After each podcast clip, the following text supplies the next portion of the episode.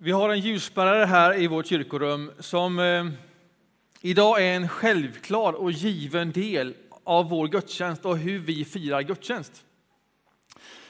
Så har det inte alltid varit. Den har stått där något tiotal år eller kanske väl det. Ljus har vi nog alltid tänt i den här kyrkan.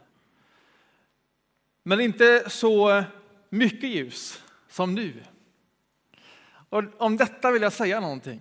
Alltså, vad handlar detta ljuständande om? Är det bara en trend och så åker vi med den trenden? Vi köper först en ljusbärare och sen är det så många som tycker om ljus så vi köper en rad till, vilket vi gjorde. Och sen blev den så full att vi köper en rad till. Eller vad står det för? Och vad är det vi gör när det nu har blivit en så viktig och given del i vår gudstjänst? Är det bara ett stämningsskapande tilltag? Det är ändå vackert med ljus. Det luktar gott, eller hur? Eller vad är poängen med att upprepa det? Söndag efter söndag, varje söndag som en del i vår gudstjänst. Hur mycket ska man lägga och kan man lägga i en symbol? Som att tända ett ljus. Nu är inte vi ensamma i världen om att använda symboler, att göra saker som betyder mycket. När jag satt och tänkte på det så tänker jag, alltså vi har helt andra arenor som använder samma metoder. Höjdhoppning tänkte jag på då. Kajsa Bergqvist och Stefan Holm, våra två stora stjärnor. När de står där i mästerskapen med alla blickar på sig. Och så ska de göra sitt yttersta och det är nu det gäller. Och det är bara nu det gäller. Vad gör de då? Kajsa Bergqvist. Ni vet, eller hur? Känner ni igen det? Och när hon gör det så gör det någonting med hela hennes kropp. Den där rörelsen har hon gjort så många gånger förut. Och när hon trycker på på sina lår så går det igång system i hennes kropp som gör att hon blir påmind i sin kropp. Det är nu det gäller. Det är nu jag plockar fram allting som jag har, allting som jag har övat. Det är nu det gäller. Detta är ögonblicket. Det är detta jag är skapad för. Allt det frammanas i en sån handling. Eller Stefan Holm, vad gjorde han? Eller hur? Jag vill inte paja min frisyr, men, men handen genom håret så va? Är det, är det liksom i håret det sitter? Ja, det vet man ju inte riktigt. För någon gör det. Men han gjorde ju så även när han hade rakat håret. Så körde han handen genom håret. Och förmodligen är det precis för att samma sak tickar igång då. Han har stått där så många gånger förut. Han har laddat för det här ögonblicket. Och när han gör någonting med sin kropp så triggar det igång system i hans kropp. Han tänker inte bara, det sitter i kroppen, det är djupare än så. Nu gäller det. Det är nu det gäller. Det är detta jag är skapad för. Jag har en chans och det är nu. Alltså symboliska handlingar som vi upprepar, som arbetar sig in i kroppen och som betyder någonting, påminner oss om någonting, är inte oviktiga vilken arena du än är på, inte heller i en gudstjänst som den här. Och jag tänker föreslå att ljuständning fungerar på ett liknande sätt som när Kajsa Bergqvist klappar sig på låren eller Stefan Holm drar handen genom håret. Och jag tänker föreslå än mer. Att när vi tänder ljus i gudstjänst, när vi gör det upprepat, så är det en förkunnelse, och lyssna, en manifestation av en andlig verklighet. Och genom upprepning av detta så flyttar vi in denna förkunnelse och denna manifestation av en andlig verklighet in i vår kropp så att vi bär det med oss in i en vecka som ligger framför. När vi tänder ett ljus triggar det någonting. Och inte bara vår egen kapacitet, utan vad det står för får vi in i kroppen som en förkunnelse och en manifestation. Jag kommer tillbaks till det. Idag är det kyndelsmässodagen. Det är därför vi talar mycket om ljus. Kyndel kommer från ett gammalt svenskt ord, betyder ljus, samma ord som eh, engelskans candle. Det är ljusdagen. Och den här inträffar varje år 40 dagar efter jul. 40 dagar efter att Jesus har fötts. Och som vi läste i texten innan så var det enligt de lagar som Josef och Maria levde med självklart att efter 40 dagar så bar man fram ett offer som tack för sin förstfödde. Ungefär som vi gör en barnvälsignelse. Vi tackar Gud för livet som en gåva och så offrar de till Gud. Det var liksom givet för dem. Detta hade inte behövt ske i ett tempel, som det vi läste om. Detta kunde man gjort på andra sätt.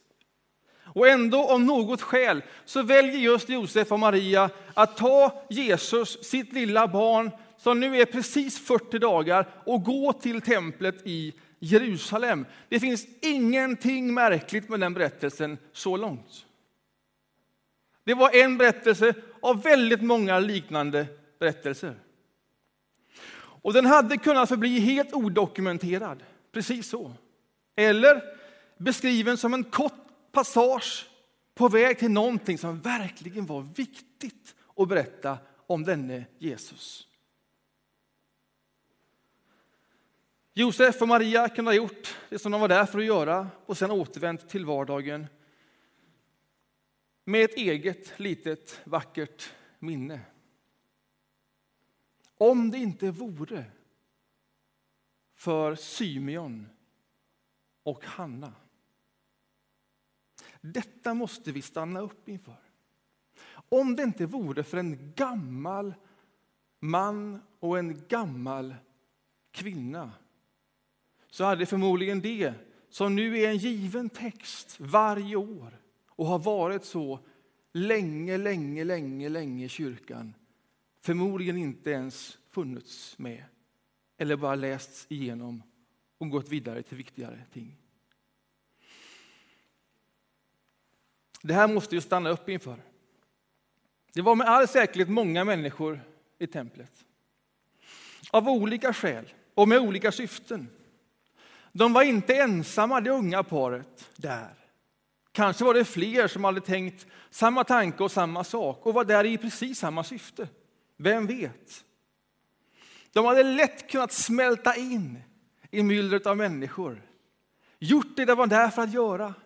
Offrat till Gud, tacka Gud och sen gå vidare och gå hem igen. Om det inte vore för Symeon och Hanna, de gamla människorna som tycks nu skörda frukter av ett liv i bön. Ledda av helig ande, får vi veta, går också dessa människor till templet. Just denna dag, just denna tid, just på denna plats där det unga paret befann sig med sitt barn 40 dagar gammalt. Sån precision och sån timing. Detta hade han, Symeon, sett framför sig länge. Länge. Han hade förmodligen föreställt sig det på något sätt imaginärt. Han hade fått den bilden given till sig. Han skulle få vara med om detta ögonblick innan han dog. Och man kan fundera över hur den dagen ser ut. Om man innan vet att idag är dagen, eller om man går dit och när han går dit, då växer det fram någonting. Eller när han ser det unga paret och när han ser dem, så vet han. Han är bergsäker. Det var detta han var skapt för. Det var detta han skulle få se. Och sen kunde han tacka för kaffet. Han går fram till dem, tar barnet. Välsignar det, tackar Gud. Och så formulerar han med profetisk skärpa en lovsång omkring detta. Herre, nu låter du din tjänare gå hem i frid, som du har lovat. Ty mina ögon har skådat frälsningen som du har berett åt alla folk, ett ljus med uppenbarelse åt hedningarna och härlighet åt ditt folk Israel. De orden har sedan dess upprepats otaliga gånger. Otaliga gånger. De orden bets förmodligen varje dag, varje kväll avslutas i de allra flesta kloster och i många traditioner där man ber regelbundet flera gånger om dagen så avslutas det med de här orden som man hade väntat länge på att få säga. Ja, vem vet, hade han slipat på dem länge och, och, när det väl skulle komma till denna ögonblick, då skulle han få sjunga det på riktigt. Eller kom de i stunden? Vem vet? Men de orden som där uttalades med sån skärpa och prestation beds fortfarande varje dag som en avslutning på dagens bön av miljoner människor. Herre, nu låter du din tjänare gå hem i frid, som du har lovat. Ty mina ögon har skådat frälsningen som du har berett åt alla folk. Ett ljus med uppenbarelse åt hedningarna och härlighet åt ditt folk Israel. Om det inte vore för en gammal, gammal man och en gammal kvinna som trycker på och bara bekräftar med profetiska ord. Så hade denna händelse förmodligen förblivit en händelse i raden av andra liknande händelser. Men det förändrar och lyfter upp och lyfter fram och gör synligt det som sker där. Är ni med här? Gud använder vem Gud vill. Det är alltid så. Även om man inte är i sin krafts dagar, om orken inte är som den har varit, så är det inget hinder för Gud. Och det kan ju vara fler skäl än ålder att kraften har runnit ut. Det där kan ju ske tidigt i ett liv. Det är inget hinder för Gud. Här var två gamla människor plus 80. Det är väl ändå ganska gammalt? 84 får vi veta.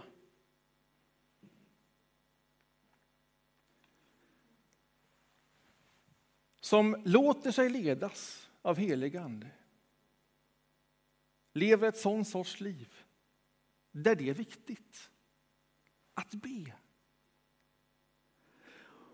Och genom detta odlar fram en blick som är Guds blick och ord som är Guds ord.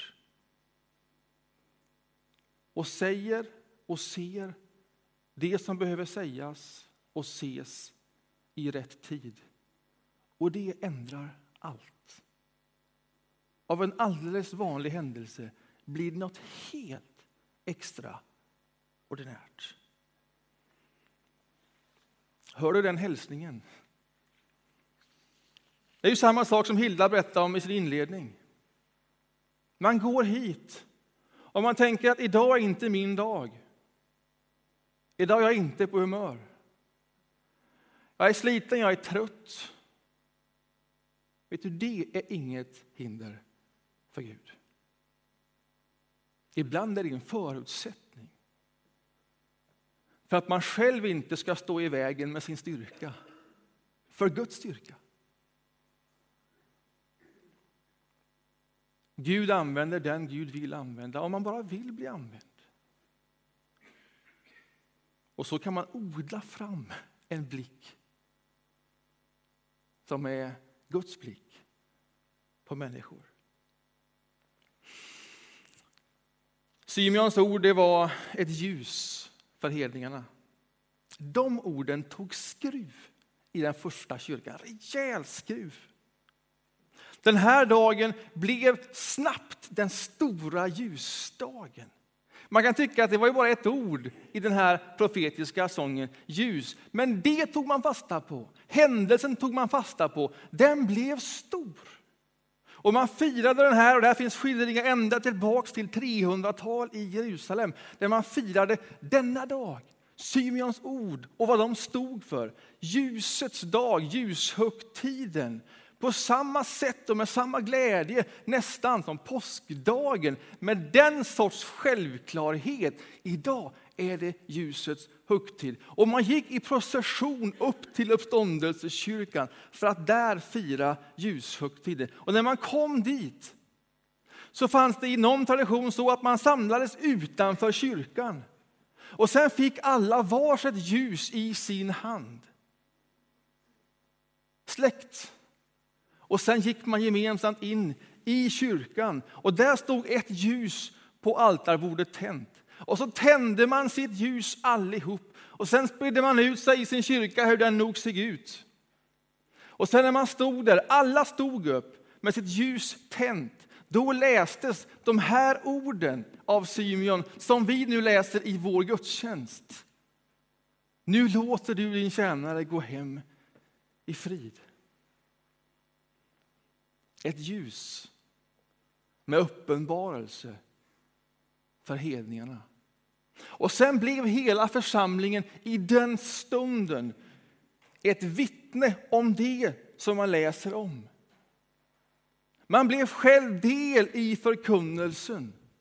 Man står med sitt ljus. Det ljuset är Kristus. Man håller det på samma sätt som Symeon höll barnet. Och sen står man där alla som om det vore Kristus man bar i sin famn. Världens ljus. Och sen går man därifrån med sitt ljus. Därför att nu bär man själv det ljuset vidare. Och sen blev man man blev sin förkunnelse. Detta är den kristna kallelsen, att ta emot Kristus som ett barn. Att vårda det och att själv bli ett Kristusljus där man går. Så firade man den här gudstjänsten. Nu finns det någonting tokigt över den bilden, att bära Kristus. Och bära ut Kristus, det är en lurig bild, för så går det inte till. Ingen behöver bära Kristus. Ingen behöver bära honom ut i sin vardag. Han är där redan innan vi är där. Det är alltid så. Och ändå är det en viktig bild. Att vi bär ljuset. Det finns en boktitel av Gunnar Edman. Jag har inte läst boken, men boktiteln är fantastisk. Den lyder så här. Barnet buret bär den vuxne. Känn på den. Barnet buret bär den vuxne. Så kan man tänka om den här bibeltexten. När vi bär Jesus som ett barn, världens ljus, som Symeon gör, då bär barnet buret den vuxne. Det finns någonting mystikt i detta. När du bär ditt Kristus ljus, då bär barnet buret den vuxne. Du är inte ensam. Du är buren i den uppgiften hela vägen. Och likväl är det du som blir ett Kristusljus i din vardag. Är ni med? Därför hör ljuständningen till vår gudstjänst. Med samma självklarhet som att vi läser bibeltexter, vi sjunger lovsånger, vi predikar, vi delar nattvarden. Alltså när vi tänder ljus i vår gudstjänst. När vi gör det, när vi ber, då förkunnar vi varje gång att Kristus är världens ljus. Det är en sån handling vi gör. Och det här är mycket, mycket, mycket mer än en oförarglig stämningsskapande handling för att skapa en god känsla i vår gudstjänst. Det är en manifestation av en andlig verklighet. Jesus Kristus är världens ljus. Vi gör det Symeon såg och sa. Jag önskar vi kunde ge varsitt ljus. Vi tänker tanken till alla utanför idag och på väg in i gudstjänsten. Och sen skulle när vi läste den här texten om ljus så skulle vi alla fått ett ljus i vår hand. Men sen skulle ni inte veta vad ni skulle göra av ljusen och det skulle bli rörigt och det kanske skulle ta eld. Och, nej, det här fungerar inte. Men den uppmärksamme såg och förmodligen funderade över varför står vår diakon Annette med ett ljus tänt när vi läser texten. Jo, så här har man gjort i kyrkans historia. Hon stod där för oss alla som ett vittne om att så här bär vi Kristus. Och när vi bär Kristus så, så är det också vår kallelse. Vi blir ett Kristusljus som sprider värme och just ljus som uppenbarar och visar och gör klart. Vår kallelse är inte mindre än så. Men nu står det här. Nu står det där tänt, Kristusljuset i mitten av vår ljusbärare och håller ihop den. Så att den som vill i vår rörelse sen kan ta ett ljus och tända det på det och på så sätt denna dag förkunna och manifestera att för mig är Kristus ljuset. Och inte bara för mig, utan för denna hela värld är Kristus ljuset. Det är en stark handling. Och när vi upprepar det, inte bara idag, utan igen och igen och igen, så blir den förkunnelsen, den manifestationen, den blir inarbetad i min kropp. Så att när jag gör det så arbetar sig budskapet, förkunnelsen och manifestationen in i min kropp. Så att när jag går härifrån så står inte ljuset där, det står i min kropp. Och det är samma sorts laddning som när Kajsa Bergqvist slår sig på låren eller Holm drar sig i kalufsen. När du tänder ditt ljus så vet du, det är nu det gäller. Det är den här veckan som ligger framför. Det är Kristus som är världens ljus. Han är det för mig och han är det för hela världen. Allt detta triggas igång i din kropp som om det vore ett mästerskap som ligger framför. Som om ribban ligger på alldeles för högt och du undrar hur ska det här gå till? Då gör du så här. Eller så här. Du tänder ett ljus. Och det är en stark händelse. Och du jobbar dig in i din kropp. Och så går du in i den veckan som ligger framför. Med den stora skillnaden mot höjdhopparna, att du frammanar och kallar inte din egen förmåga, allt du har lärt dig hittills. Det du förkunnar, det du frammanar, det är ju att du inte är själv. Därför att när du bär det ljuset, när barnet är buret, så bär det den vuxne. Du är inte ensam. I den rörelsen är du buren av ingen mindre än Kristus själv. Det ligger framför i veckan. Amen.